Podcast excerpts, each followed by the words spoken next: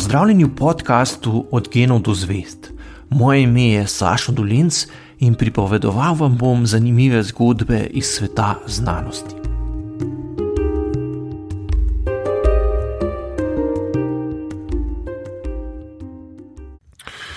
Pomen dobrih zgodb je izjemen. Dobre zgodbe vplivajo, vzgajajo, zabavajo, dobre zgodbe se tudi dobro prodajajo. Za jezikovni in širši kognitivni razvoj otrok, mladostnikov, pa tudi odraslih je bistveno, kako raznolike in kompleksne zgodbe berejo, poslušajo, gledajo. Človeški možgani si lažje zapomnijo zgodbe, velike težave pa imajo z nepovezanimi podatki. Ob nacionalnem mesecu skupnega branja, ki poteka pod sloganom Beremo skupaj, se bomo osredotočili na to, kaj se dogaja v možganih ob dobrih zgodbah. Naš gost je dr. Sašo Dolenc, ki je na to temo sodeloval na posvetu Bralnega društva Slovenije in je tudi glavni urednik portala Kvarka Dabra. Dr. Dolenc, pozdravljeni. Pozdravljeni. Gospod Dolenc, tisti, ki bi znal v vsakem trenutku za vsako priložnost povedati dobro zgodbo, bi imel verjetno veliko moč. Ja, sigurno. Pri zgodbah je pomembno, da um, govorec prilagodi svojo pripoved uh, poslušalcem, ne? tako da se zaveda dobro, komu govori in da izhaja iz njihovega predznanja, pa seveda, da zbudi v njih emocije. Ne? To je pomembna komponenta dobre zgodbe in če, če to zna, potem se informacije zelo hitro pretečajo iz ene glave v drugo. Ne? Ampak um, to je lahko mogoče enostavno pri um, zgodbah iz našega vsakdana, na katere smo navajeni, teže pa to doseči, ko želimo publiko izobraziti, ko želimo recimo otroke pritegniti k nečemu, kar na prvi pogled mogoče ni zanimivo, se pa da zgodbami narediti zanimivo, ne, da bodo se potem lahko uživeli v to in um, iskali potem več znanja na tem področju. Mm. Torej, dobre zgodbe lahko vključimo na nek način v najrazličnejših okoljih. To želite povedati, ne? tudi v šoli, tudi v predavalnici, kjerkoli pravzaprav. Ne? Ja, absolutno. V bistvu struktura zgodbe je nekak um, naraven način podajanja informacij. Um, ljudje si najlažje um, zapomnimo informacije v obliku zgodbe.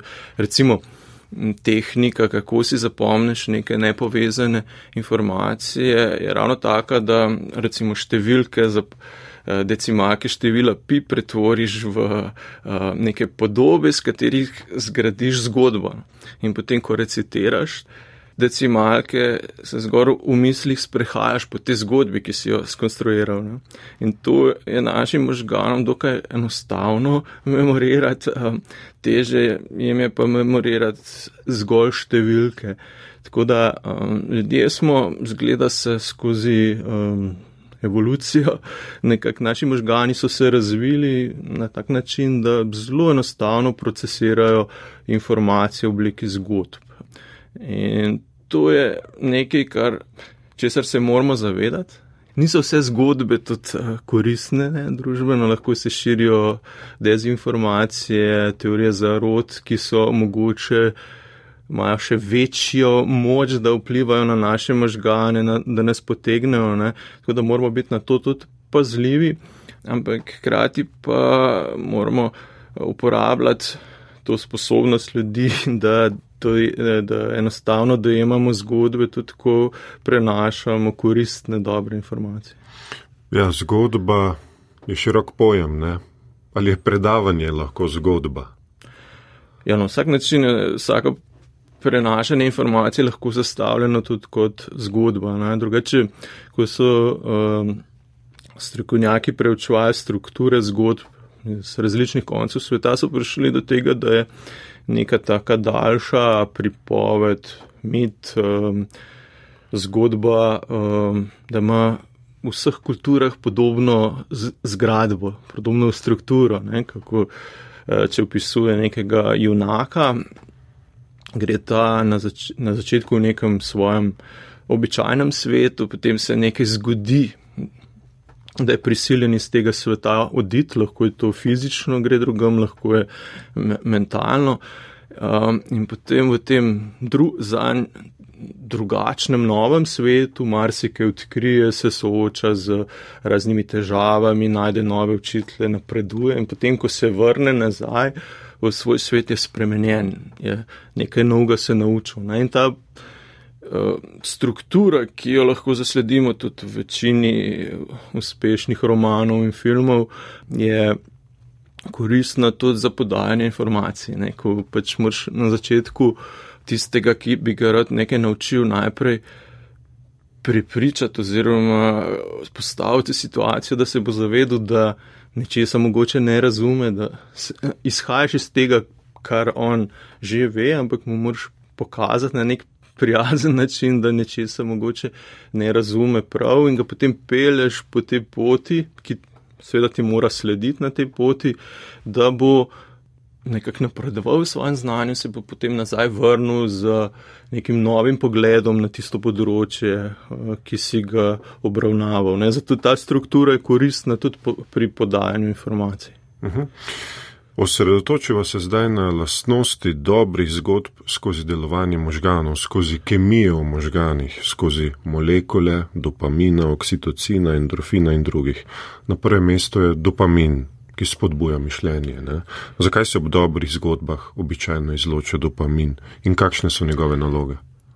Ja, ko so se znanstveniki zadnje desetletja, ko je možno tudi spremljati dogajanje v možganjih med tem, ko počnemo eh, različna upravila, ne, ko da človeka v napravo za spremljanje aktivnosti v možganjih in mu recimo pripoveduje zgodbo, pa različne zgodbe in potem spremlja, kaj se dogaja. So, Tako pomembno spoznanje je bilo, da se aktivira bistveno več predelov možganov pri poslušanju zgodbe, kot zgolj pri poslušanju, nekaj naštevanja podatkov, recimo, ali pa eh, neke specifične informacije in zato se tudi verjetno lažje zapomnimo zgodbo.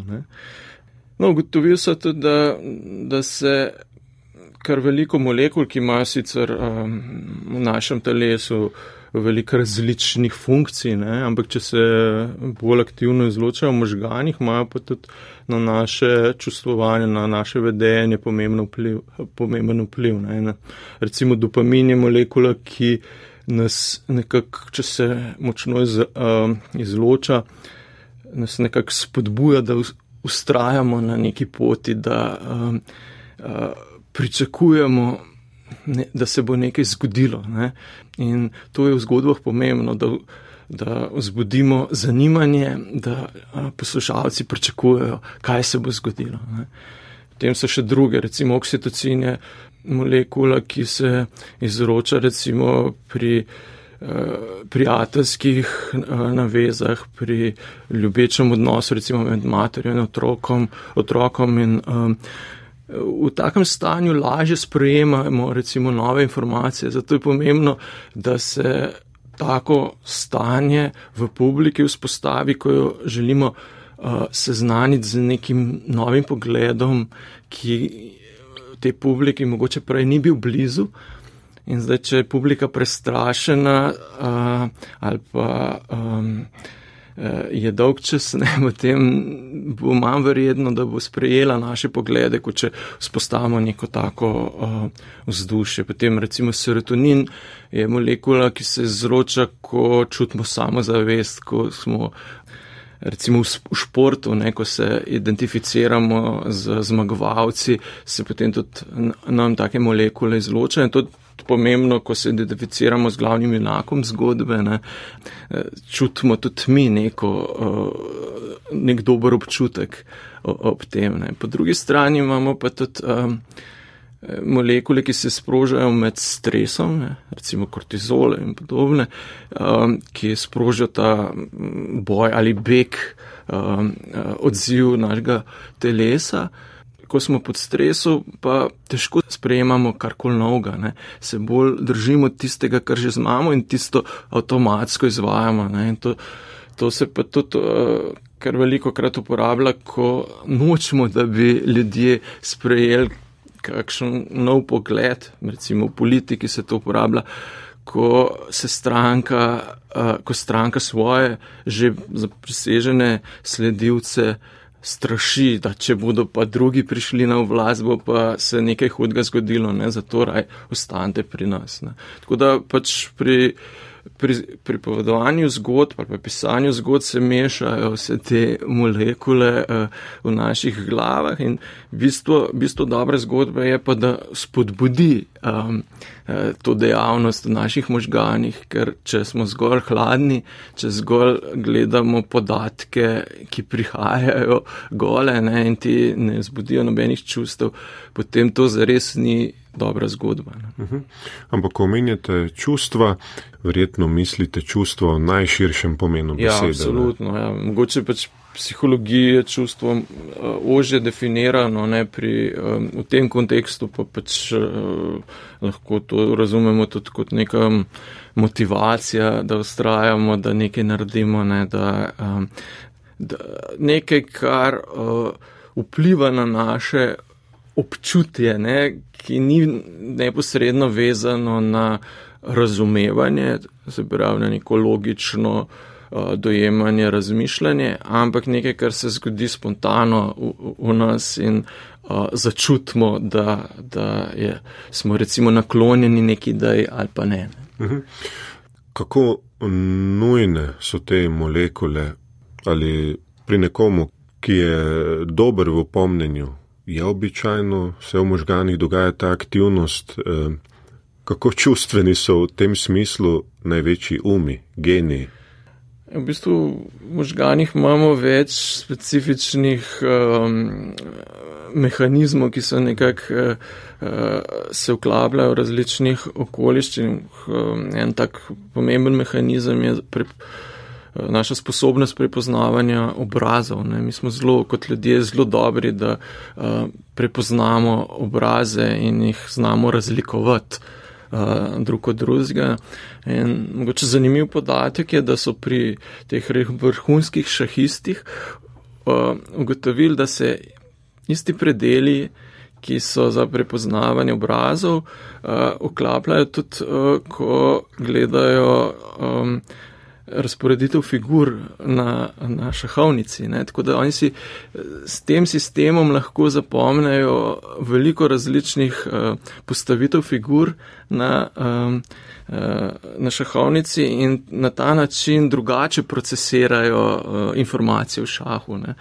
Tako da človeški možgani so zelo prilagojeni za delovanje v skupini ljudi, ne? mi smo družabna bitja in um, verjetno so zgodbe postale tako pomembne ravno zato, ker omogočajo usklajevanje med, uh, um, med ljudmi. Ne? Preko tega, da se recimo zgodba pove na način, da vnaprej recimo uh, ljudje doživijo neko izkušnjo, ki jo mogoče še niso in se na njo pripravijo ne? ali pa se uskladijo glede vrednot od uh, načina odreagiranja na neko situacijo. Zato so mogoče se razvili um, miti in zak zakaj smo tako dobri ljudje, še posebej v um, poslušanju in podajanju zgodb. Ne? Preko tega se marsikaj naučimo drugače kot zgolj preko neposredne izkušnje. Ne? Mhm. Tudi igra šaha je potem takim lahko nek način pripovedovanja ali konzumiranja zgodbe, ne? ker se pač ob tem prebudijo določene molekule v možganih ne? in tako naprej. Pač pomembno je to, kar pravite, da človek, ko je uspešen, ko nekaj uspešno upravlja, mora to doživljati, mora biti nek čustven odziv v najširšem smislu. Sigur, sigurno pri strokovnjakih je pomembno boje, ne, da znajo razumsko eh, reflektirati to, kar se dogaja in da imajo hkrati občutek ne, za to, da eh, pri res dobrih, res dobrih, kaj vem, statik bo pogledal most, ne, pa bo videl, kje je težava, ne, ampak potem bo znal to tudi izračunati in pokazati številkami, da je tam težava. Ne. In to je ta značilnost res dobrih strokovnjakov, da znajo to dvoje oboje pokriti med sabo, ne. ker ta občutek nas včasih lahko tudi zavede. Če nismo po, res pač vešči in če ne sledimo vsem dogajanjem na nekem področju, to se zgodi recimo strokovnjakom, ki so bili nekoč dobri, pa potem ne sledijo več literaturi, njihov občutek ostane nekje v preteklosti ne? in ni več dober za nove, nove razmere. Tako da um, tukaj glede teh občutkov treba biti pazljiv. So zelo pomembni, ampak jih treba negovati um, delati na tem. Ne.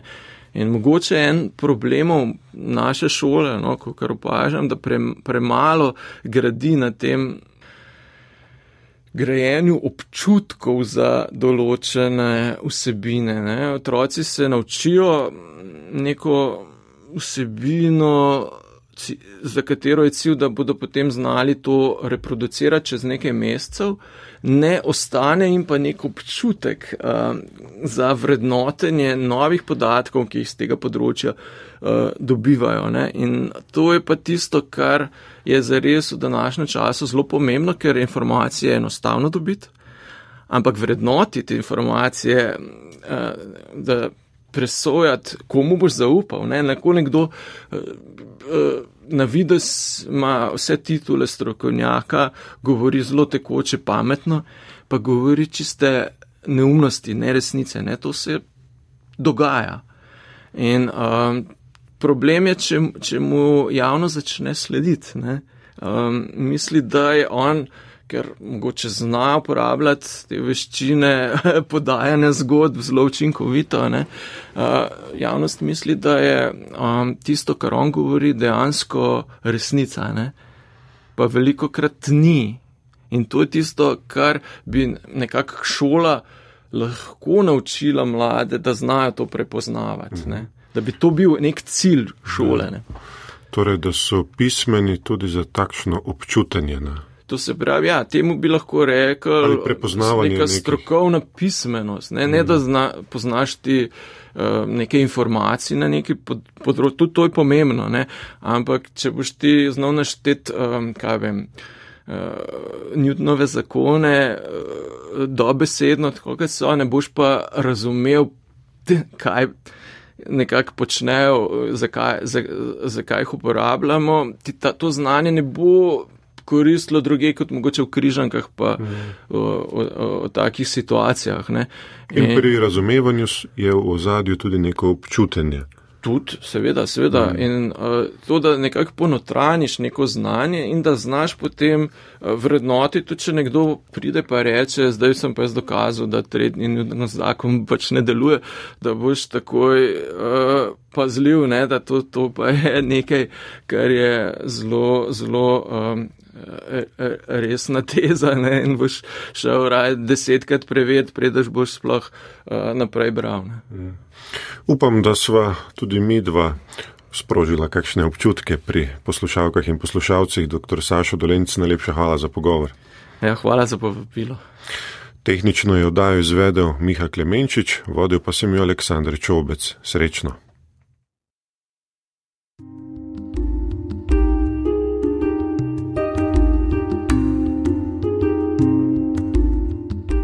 To je bil podcast Od genov do zvest. Moje ime je Saša Dolence in z novo zgodbo se vam oglasim že k malu.